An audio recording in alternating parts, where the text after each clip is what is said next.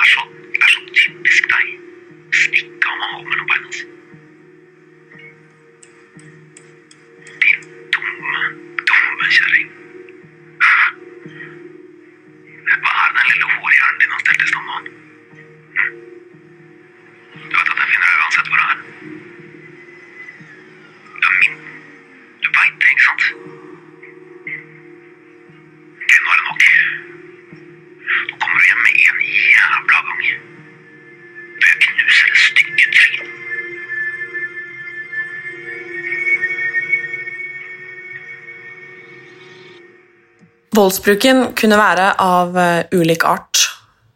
Han kunne slå hodet hennes mot veggen, og han tok ofte kvelertak på henne.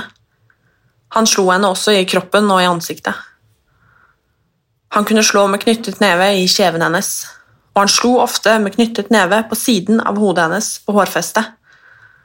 Han kunne også slå med begge hendene mot ørene hennes, og hun hadde ofte bryterører. Han slo også med knyttet neve mot magen hennes. Han kunne sparke henne i beina og i magen.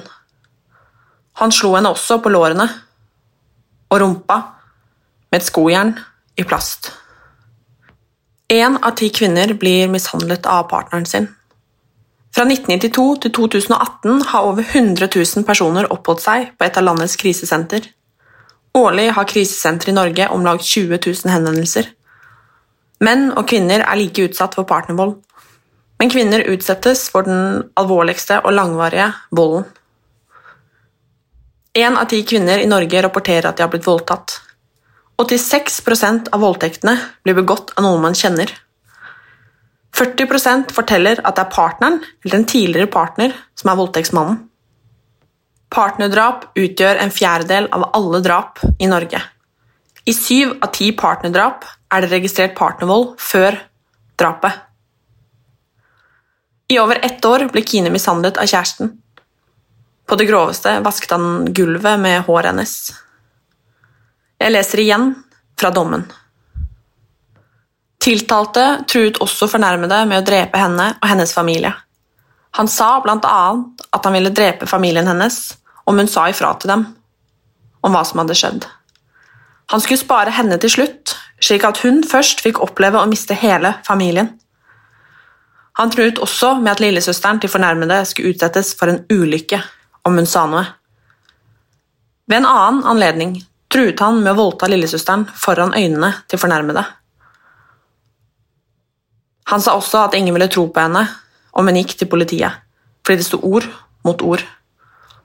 Dersom han fikk straff, skulle det bli et mareritt for henne. Han hadde andre folk som kunne håndtere det, eller han skulle ta henne når han en dag kom ut. Du hører nå del én av to.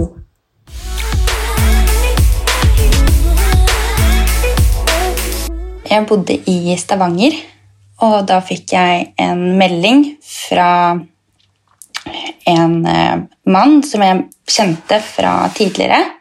Som jeg det var storebroren til en som hadde gått i klassen min, så jeg visste jo hvem han var. Men eh, jeg hadde ikke sett han på veldig mange år, siden jeg hadde flyttet til Stavanger. Og så fikk jeg en melding fra han helt plutselig om at han var i Stavanger og hadde hørt at jeg bodde der, og lurte på om vi skulle møtes og ta en kaffe. Så ble jeg med på det, og eh, det var hyggelig. Vi satt og snakket hele kvelden og lo, og det var en hyggelig kveld. Og etter det så hadde vi regelmessig kontakt i ja, én til to måneder. Og da flyttet jeg til Oslo for å starte på skole. Og eh, han bodde jo også i Oslo, så da ble det jo til at vi så hverandre mye mer enn hva vi hadde gjort tidligere. Og eh, han var veldig opptatt av at vi skulle være mye sammen, og sa at han var så forelsket og at han ville ha mest mulig tid med meg.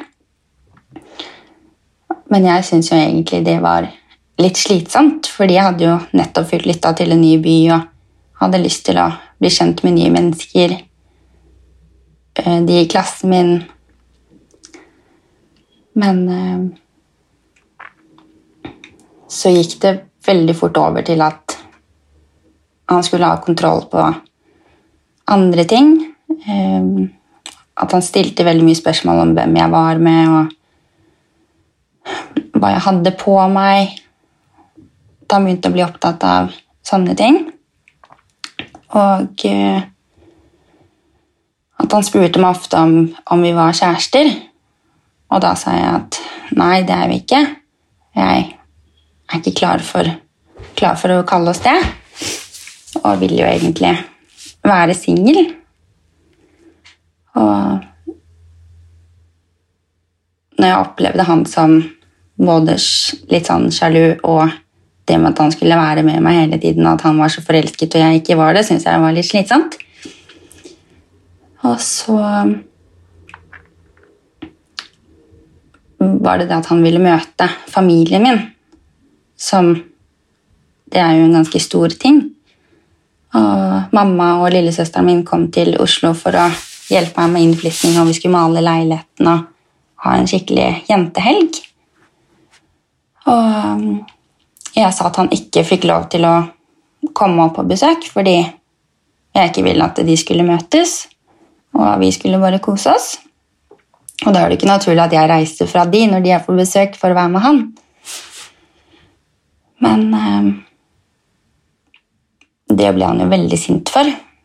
Så vi kranglet så mye over telefonen. Han drev og ringte meg så mye at eh, mamma og lillesøsteren min reiste, sånn at jeg kunne få ordna opp opp i det her. Og eh,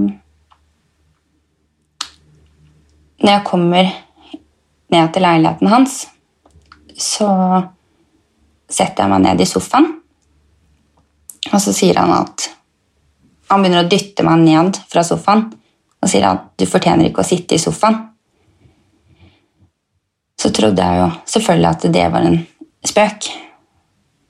Fordi jeg hadde jo ikke gjort noe galt. Hvorfor skulle jeg ikke få sitte i sofaen? Men eh, det mente han faktisk, at jeg ikke skulle få lov til å sitte i sofaen, fordi jeg fortjente ikke det. Akkurat som at jeg var skitten.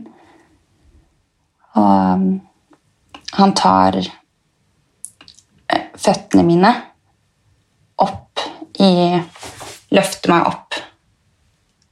Og eh, vasker på en måte gulvet med ansiktet og håret mitt bortover gulvet. Og bruker meg som mopp, da, rett og slett. Og det er jo super nedverdigende. Og jeg sier stopp flere ganger, og så har han en sånn ond latter. Så sier jeg stopp igjen og igjen, og han stopper ikke, og da blir jeg redd. Og eh, så latet han som etterpå at han tullet det litt bort. Men jeg syns jo det var en veldig ekkel ting å gjøre. Og om det hadde vært en spøk, så stopper du når jeg sier at du skal gjøre det. Og du forstår at hm, hun syns ikke dette er noe gøy. Og eh, fra den episoden så eskalerer det veldig, veldig fort. Noen dager senere så kommer han opp til leiligheten min, og jeg har jo egentlig en tanke allerede om at dette har jeg lyst til å avslutte. Og eh, Men det er også sånn at jeg har en frykt for hvordan han vil reagere når jeg gjør det. Men eh, vi har en krangel i leiligheten min, og eh, ja, han slår meg i ansiktet. Og kroppen min fryser helt. Jeg blir helt satt ut. Og det så ut som at han ble litt satt ut selv. Men jeg fikk også en umiddelbar følelse på at, at dette var noe han hadde gjort før. For det så ut som han kjente igjen kjente igjen en følelse i kroppen som han fikk da han slo. Og eh, så satte vi oss ned på sofaen min, og han spør om vil du at jeg skal gå. Så sier jeg ja, med en usikker stemme, fordi jeg var redd. Men eh, han spurte meg flere ganger vil du at jeg skal gå, og jeg fortsetter å si ja, jeg vil at du skal gå. Dette er ikke greit. Men tydeligvis så gir han feil svar fordi han gir seg ikke. Så jeg tør rett og slett ikke å si ja en gang til. Så jeg sier at nei, du kan få bli her til i morgen. Det går fint. Og Ja. Jeg husker at jeg tenkte tenkte på at mennesker som slår Det er sånn man har hørt at hvis en mann slår, så da må du komme deg unna, eller man har sett det på film at da, da fortsetter det. Så jeg var jo veldig klar og bevisst på det, at jeg da ville ha han ut av livet mitt. Og så tar, er det noen dager senere. Da er det helg. Og da Når jeg da har tenkt til å fortelle han at jeg vil at vi skal avslutte det her, vi kan heller fortsette som venner fordi vi fungerer tydeligvis ikke så bra på denne måten. Så Og det var noe jeg sa til han flere ganger òg. Så blir det en helt grusom helg. Hvor han eh, Ja, det eskalerer helt ekstremt, og det går veldig fort. Fra slag i ansiktet, slag og spark i kroppen. Han tar ansiktet mitt, øh, hånda bak i håret mitt og slår ansiktet mitt i toalettskålen. Um, tar hendene rundt halsen min og løfter meg opp bare rundt halsen og slenger meg ned i flisene. Jeg vet ikke om det er kvelertaket eller at hodet slår seg i flisene som er det vondeste. Og han er helt ekstrem, og han ser meg inn i øynene under alt. Og han ler flere ganger. Og han ser skikkelig ond ut. Øynene hans var helt svarte. Og jeg var livredd. Og når vi endelig Eller når jeg endelig skulle få legge meg, så ligger jeg med et, øye åpent hele natten. For jeg var jo livredd for hva han kom til å gjøre hvis når jeg sov. Um, når vi våkner, så går han og tar seg en dusj. Og eh, så roper han på meg. Og jeg fikk en supervond magefølelse.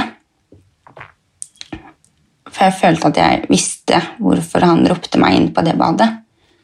Så jeg latet som at jeg ikke, at jeg ikke hørte han. Han ropte flere ganger, og han sa at 'jeg vet at du hører meg, kom inn på badet nå før jeg henter deg'. Og eh, da går jeg inn på badet. Så sier han at eh, jeg skal sette meg ned på knærne, og eh, at jeg skal suge han. Så sier jeg det, det vil jeg ikke. Og sier du at jeg skal, og så sa han jeg er lei av at du, at du sier at du ikke vil.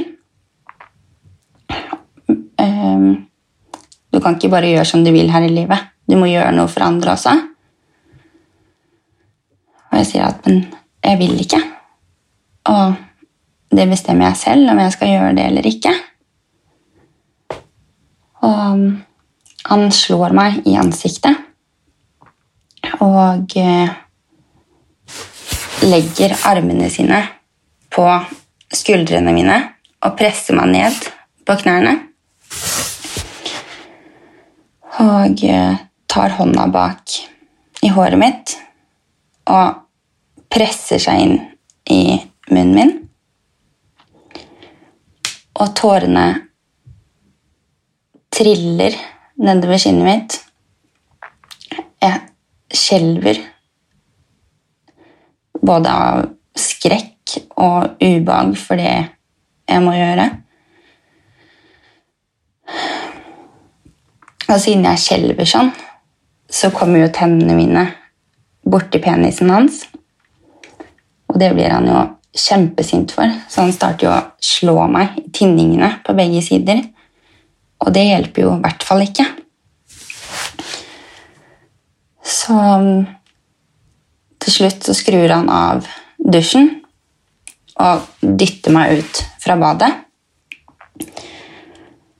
Så, og da tror jeg at er jeg ferdig nå? Men eh, det var jeg ikke.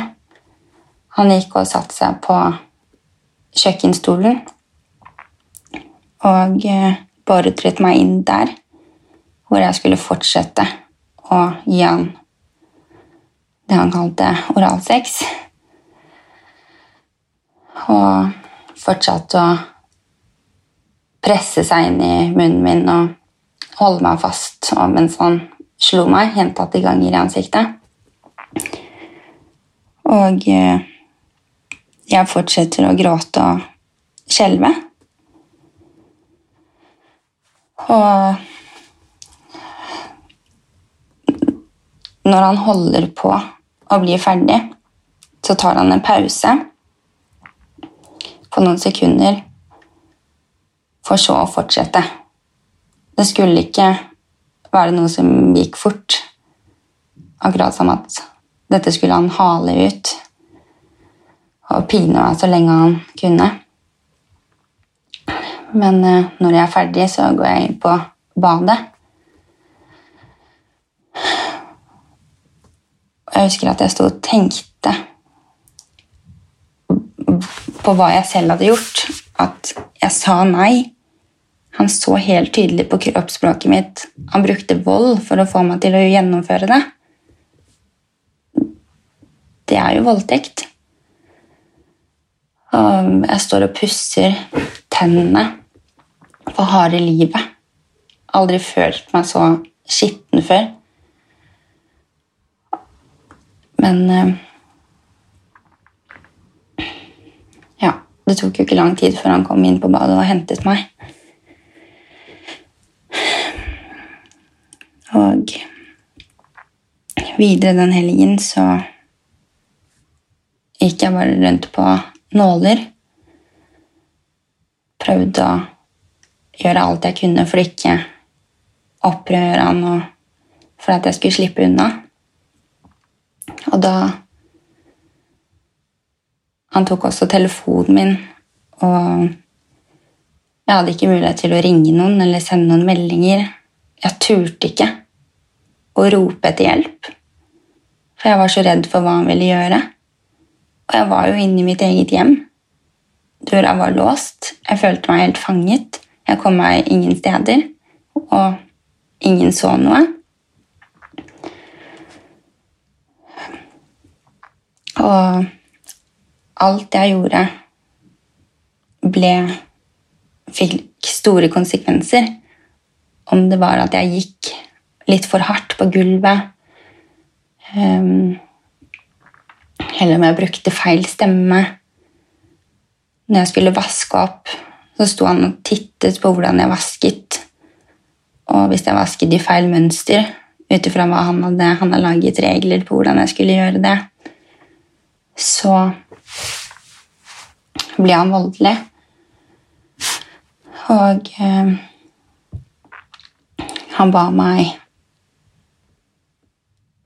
Han ba meg stå foran stolen hans. Han satte seg ned på bordet og eh, sa at jeg måtte stå og hoppe opp og ned foran han med armene og føttene ut til siden i takt.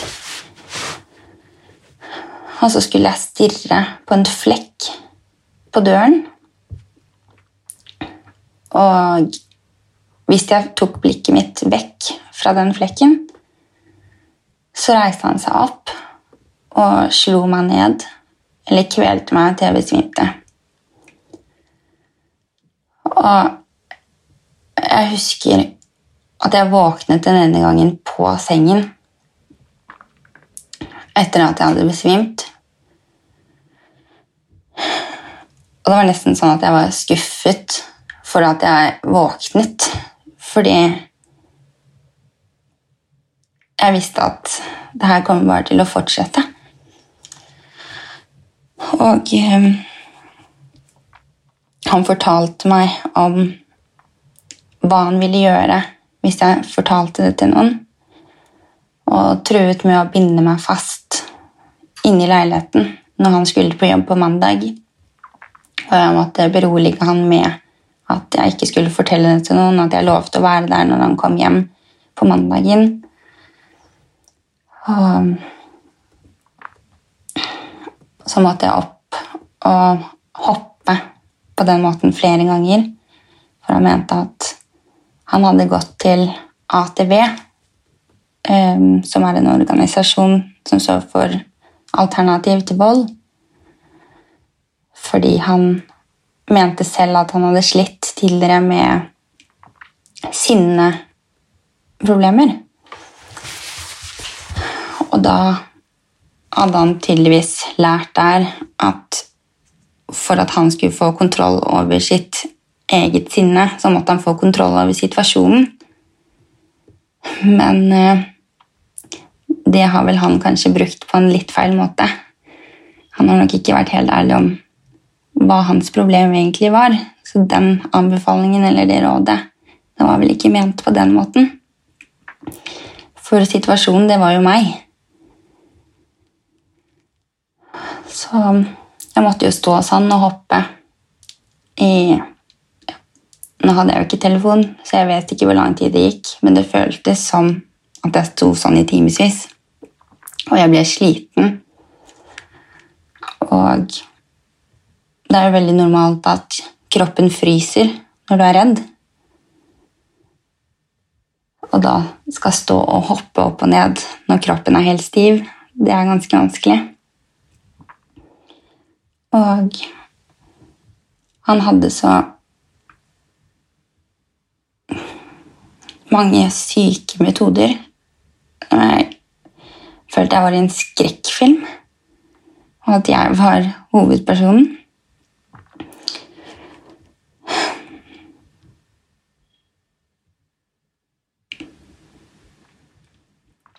Når mandagen kom, så gikk jeg rundt i leiligheten gul og blå og prøvde å finne hva kan jeg gjøre, hva kan jeg si. Og jeg googlet flere ganger, og det sto jo at når man skulle ut av et voldelig forhold, at det var en veldig farlig situasjon. Så jeg var jo veldig redd for Jeg hadde en følelse på at det ikke var greit at jeg ville gjøre det slutt. Og eh, derfor så ringte jeg en venninne fra Stavanger og sa til henne at at jeg skulle gjøre det slutt med kjæresten. Og hun lurte på hvorfor. Fordi hun hadde hørt så lite fra meg i det siste. Så hun trodde jo at jeg hadde vært superforelsket og bare var inni den boblen med han. Så hun lurte på hvorfor jeg skulle gjøre det slutt plutselig. Og så turte jeg ikke å fortelle hvorfor, men jeg sa bare at jeg ikke følte Hadde de følelsene. Så derfor så ville jeg gjøre det slutt. Um, så sa jeg kan ikke du ta oss og ringe meg i morgen. Så for jeg vil gjerne fortelle deg kan hende jeg trenger å snakke litt etter jeg har gjort det slutt. Rett og slett bare fordi jeg trengte at noen visste at jeg skulle gjøre det slutt, sånn at hvis han plutselig tok livet mitt, eller gravde meg ned et sted, at noen skulle vite at jeg faktisk hadde prøvd å gjøre det slutt og skulle koble han til det for å finne meg kjappest mulig. Men uh, Hun ringte jo dagen etter, men hun fikk jo ikke tak i meg. Fordi han ble jo veldig sint for at jeg ikke ønsket å være med han. Og uh, sa at han hadde at jeg hadde så mye på han at han kunne aldri la meg gå. Og fortalte meg i detaljer om hvordan han ville drepe familiemedlemmene mine. Binde meg fast i en stol, hente lillesøsteren min på Hun var vel da 15 år. Hente henne på skolen. Og hun ville jo hoppet inn i bilen da også, fordi hun visste hvem han var og eh, kjøre henne til leiligheten og voldta henne foran øynene mine. Og jeg hadde sett hva han var i stand til å utføre. Det var jo trusler som var Det var reelt for meg at han kunne gjøre det. Så Det er jo grunnen til at jeg heller ikke klarte å fortelle, noe, fortelle noen om det. Fordi jeg var så redd. Hva kommer han til å gjøre med de, de rundt meg? Kan jeg noen gang leve et normalt liv? Skal jeg alltid være på rømmen? Så jeg følte ikke at jeg hadde noen muligheter. Jeg prøvde å google etter hva slags hjelp man kunne få hos politiet. Der kom det jo stort sett bare opp at saker ble henlagt, og at det ble ord mot ord, og at det ikke var noe vits i å prøve engang. Så jeg følte meg så fanget. Det føltes ikke ut som det var noen mulighet for å komme seg ut. Og det fortsatte jo på den måten i nesten ett og et halvt år hvor han var voldelig stort sett hele tiden. De dagene han ikke var voldelig mot meg, så gikk jeg jo bare på nåler hele tiden og kjente han energien. Hvordan er han i dag? Kan jeg få en dag uten? Og eh, med gjentatte voldtekter jeg husker at han spurte meg en gang Føler du deg voldtatt? Som er veldig Hvis det hadde vært et normalt forhold, så er det jo et veldig unaturlig spørsmål å stille. Sånn at jeg tenker at han forsto jo selv hva han gjorde. Og det har jeg da svart ja. For jeg sier jo at jeg ikke vil, og du bruker vold mot meg. Så ble han bare superaggressiv og mente at jeg var helt syk. Og at det var noe galt med mitt hode som kunne tenke det. Fordi en kjæreste kunne ikke voldta. Og det er jo det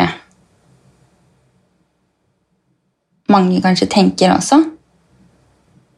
At det kanskje er vanskelig å I dette tilfellet så var det jo mye vold også under voldtektene. Men at det kan være vanskelig da, å forstå at kjæresten din eller ektemannen din faktisk ikke bare utsetter deg for vold, men at det også er overgrep.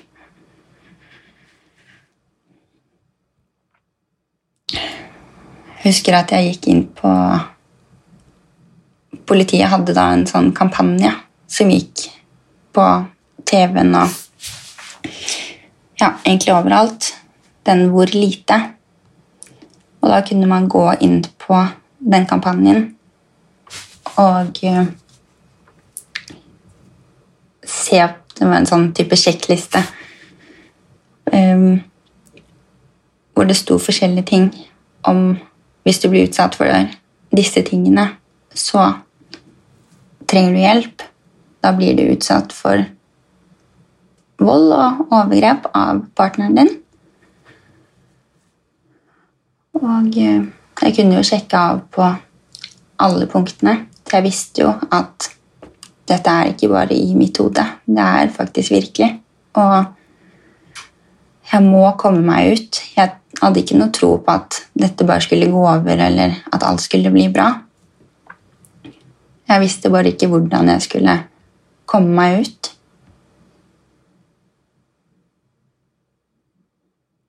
Jeg var så sliten også, både i kroppen og i hodet.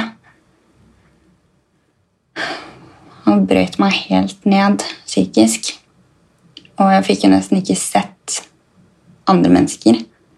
Han tok jo tiden på meg når jeg gikk til butikken. Jeg måtte jo løpe opp bakkene, og hvis jeg så at det var kø, så begynte jeg å riste i køen, for jeg visste at nå kommer du til å få et helvete når du kommer hjem.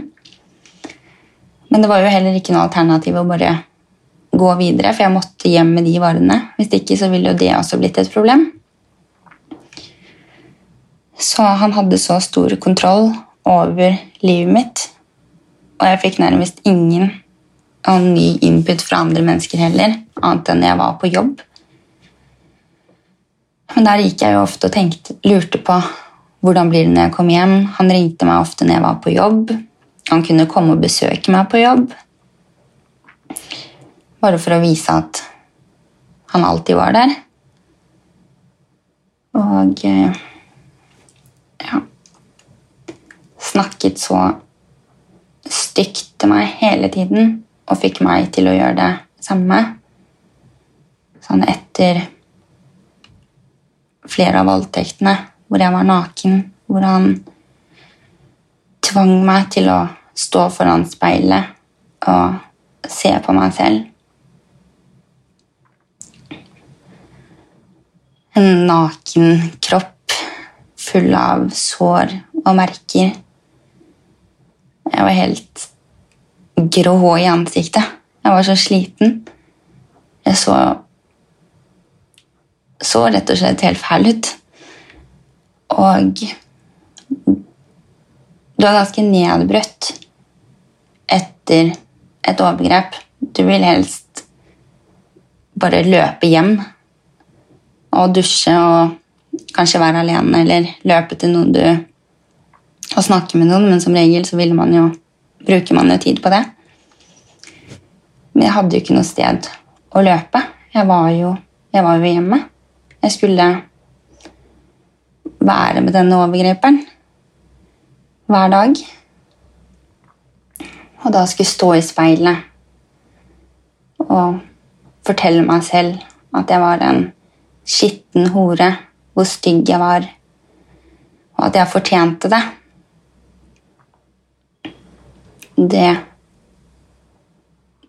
Det gjorde noe med meg. Men det merket jeg jo også.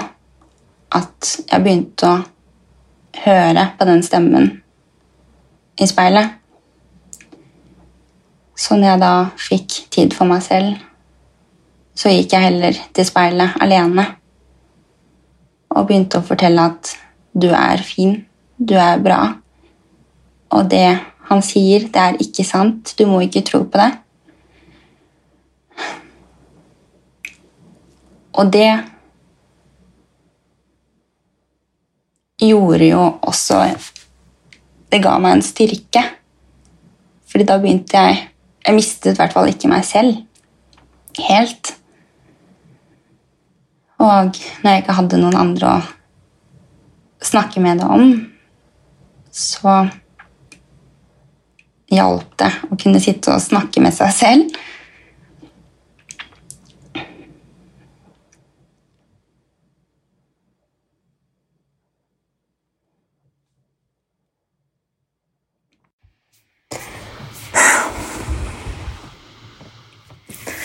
Jeg vet ikke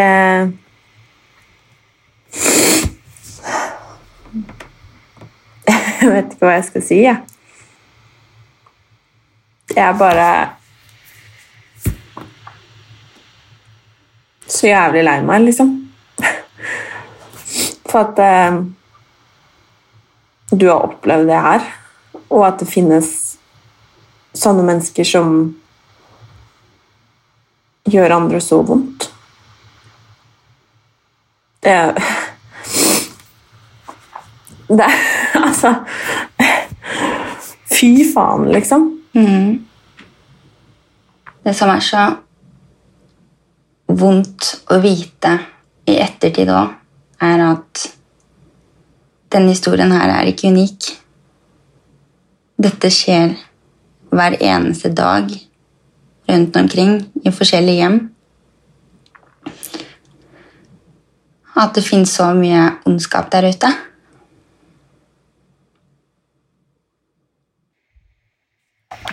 Det er helt forferdelig. Mm. Var det noen gang noen som spurte deg om det her på jobben, eller eh, venner, bekjente, familie? Noen som på en måte fatta en mistanke om hva som faktisk foregikk? Ja, jeg fikk jo flere spørsmål underveis. F.eks. For eksempel venninnene mine som ville ha meg med på hyttetur. Og eh, prøvde å planlegge jentehelger. Og jeg hadde jo så utrolig lyst til å være med. Men det fikk jeg jo ikke. Jeg hadde, ikke mulighet til å komme meg dit. Så jeg måtte jo skylde på at nei, men jeg har dessverre Jeg jobber, så jeg kan ikke. Og nei, jeg har ikke råd denne helgen. Og de prøvde å si at ja, men vi kan betale for det, du kan låne av oss. Og gjøre alt for å tilrettelegge da, for at jeg kunne være med på turen. Men eh, jeg kom jo stadig med nye unnskyldninger. Så De begynte jo å lure på hvorfor jeg aldri var med på ting lenger. Når jeg egentlig var en supersosial jente som elsket å være med familie og venner. Hvorfor jeg aldri var med. Men eh, Så jeg tror det var en blanding, en følelse av ja, Både at de lurte på hva, hva det var, om det var noe galt, om han var så sjalu, da. Eller om det bare var at jeg var så forelsket at jeg ikke trengte å være med de så mye. At jeg ville være med kjæresten min. Um, pappa også spurte meg en gang når vi var ute og spiste, om det var noen som ikke hadde vært snill med meg. Fordi jeg hadde jo et blåmerke over leppa som jeg hadde prøvd å sminke bort. Og så sa jeg at jeg jobbet i barnehage, og eh, at jeg hadde fått en leke i ansiktet av et barn. Så så jeg at han han hadde ikke noe god følelse, og han ble egentlig ikke veldig betrygget av det svaret mitt heller. Men eh, jeg sto jo på mitt om at det var det som hadde skjedd. Så Og de på jobben spurte jo flere ganger hvorfor er du her når du egentlig har fri i dag. Men det var jo fordi jeg ikke hadde turt å Jeg hadde jo fortalt til han at jeg hadde jobb, selv om jeg kanskje ikke hadde jobb den dagen. Bare for å komme meg bort. Og til og med sendte meldinger til meg selv, til mitt eget nummer, og latet som at det var fra sjefen om jeg kunne komme på jobb fordi det var krise. For jeg visste jo at han skulle se på telefonen min at jeg faktisk hadde fått en melding om jeg kunne jobbe. Og da ble det jo spørsmål der om hvorfor jeg var på jobb. Og da hadde jeg alltid en unnskyldning for hvorfor jeg bare måtte komme innom og hente noe, eller noe jeg hadde lyst til å fikse, eller at jeg var i området. Så det var mange som, når vi har snakket om det i ettertid, da, så er det jo flere av vennene mine som har snakket med hverandre om det. At de ja, har hatt en dårlig følelse flere ganger, men at det var aldri det man trodde. Men at man tenkte at han kanskje var veldig sjalu. Som kanskje er mer vanlig. Men eh, det var vel ingen som trodde at I hvert fall ingen som trodde dette. Det er jo helt vanvittig. Mm. Så forbanna ugreit, liksom. Ja. Men når var det på en måte stopp? Når gikk på en måte grensa? Når, hvordan i alle dager kom du deg ut av det? Mm. Ja. Jeg hadde jo, som jeg fortalte tidligere her, jeg prøvd å gjøre det slutt med han flere ganger. Og sett at det fungerte jo ikke. Um, så jeg visste jo at jeg trengte hjelp til å gjøre det. Det var jo flere ganger hvor jeg reiste og satt ute. Og det var helt kaos i hodet, for jeg visste jo ikke hvor jeg skulle dra. Jeg ville dra hjem til familien min, men det turte jeg ikke, for jeg var så redd for Det var jo det første stedet han ville reist. Og politiet turte jeg ikke å gå til, så jeg ville virkelig ikke være i den leiligheten. Men jeg visste heller ikke hvor jeg kunne, hvor jeg kunne dra. Jeg hadde ikke noe håp om at noen skulle klare å stoppe han. Og eh,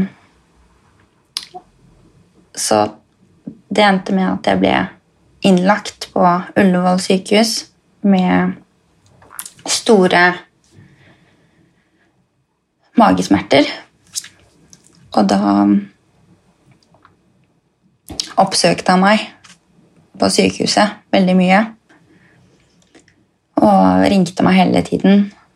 Jeg hadde jo aldri fått vært så lenge noen gang med andre mennesker. Så han var jo veldig redd for at jeg skulle føle meg så trygg at jeg til slutt fortalte det til noen på sykehuset. Men var det pga. han du var innlagt? Ja. Ja. Jeg hadde ja, blødninger fra magen. Så Men de fant jo aldri ut hvorfor. Og det er fordi jeg fortalte jo ikke hva som skjedde, så de skjønte jo ikke hvor det blodet kom ifra. Men um, en dag så hadde vi en veldig stor krangel fordi han ville at jeg skulle komme hjem fra sykehuset.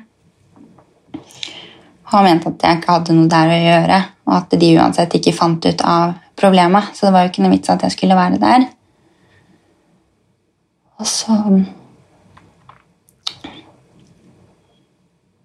sier han at ok, du skal få lov til å være der til i morgen, men da, da må du komme hjem. Og han prøvde å Han hadde vært helt hysterisk og skreket og ja, vært helt gal i telefonen. Og så plutselig roet han seg litt ned, så jeg skjønte at dette stemmer ikke. Og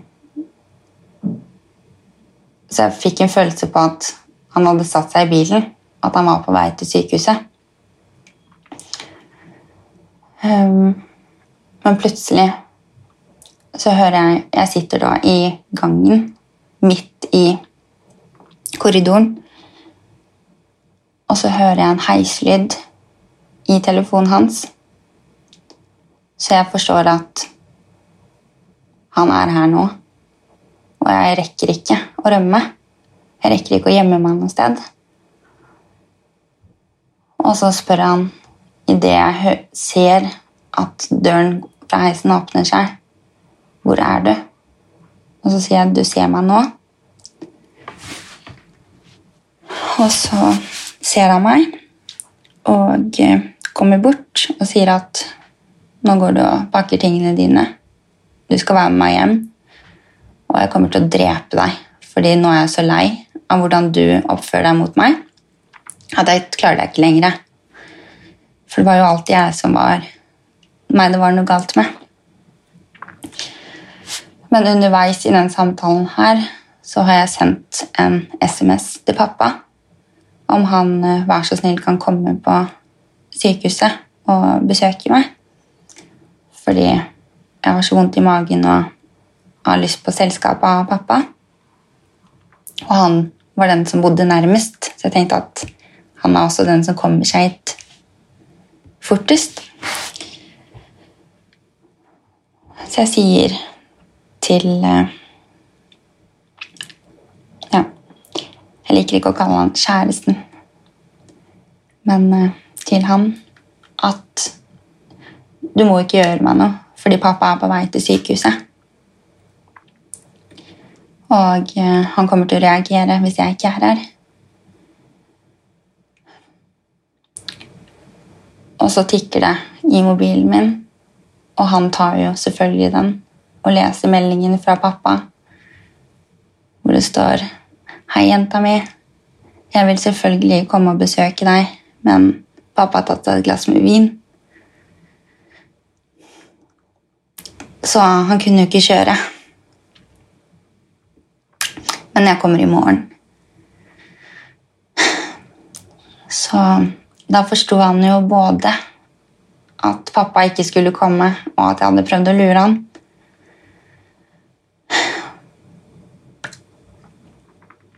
Så han tar meg inn på toalettet på sykehuset. Og drar ned buksen sin og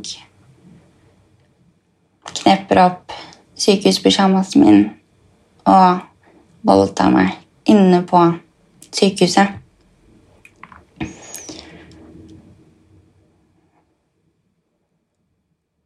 Og kroppen min er i frys. Og jeg prøver bare å se et annet vei, en annen vei og tenke på noe annet.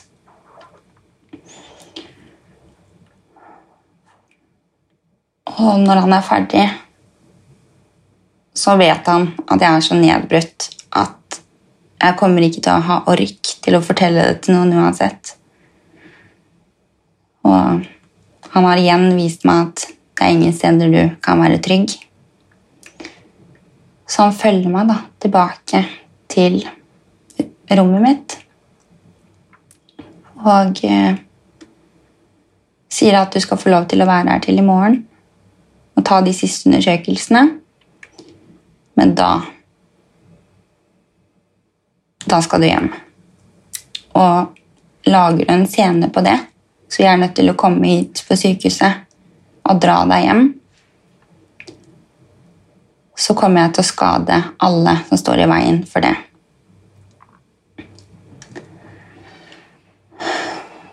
Og dagen etter så ringer han, og jeg sier det til han at jeg blir ikke med hjem. Jeg skal være her. Og det godtar han jo ikke, så han igjen kjører ned til sykehuset. Og nå var jeg jo forberedt på at han kom.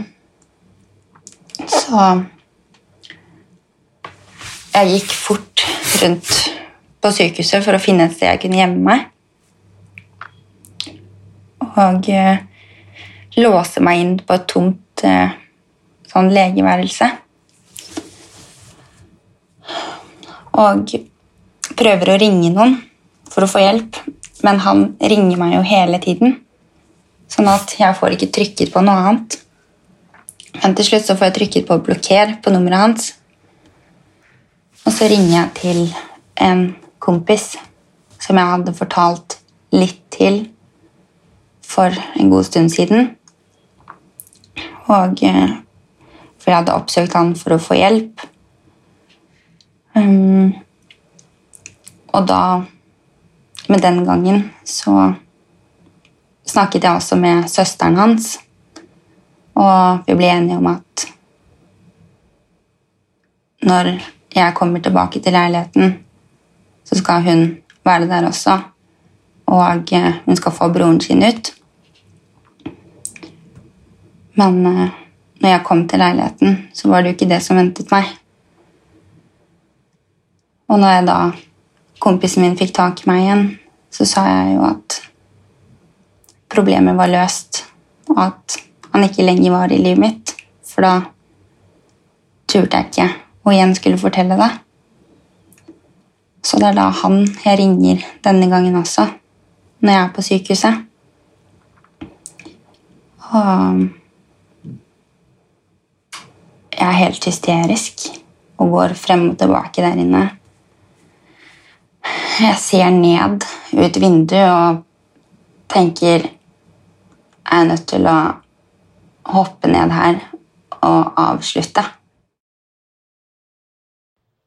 Du har nå hørt episode én av to av Kine sin historie.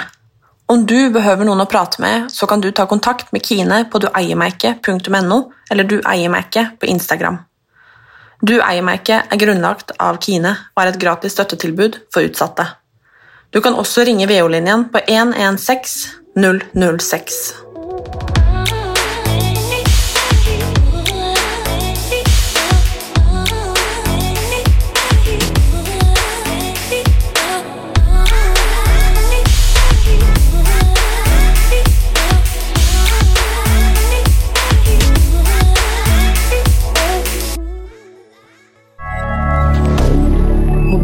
D'accord.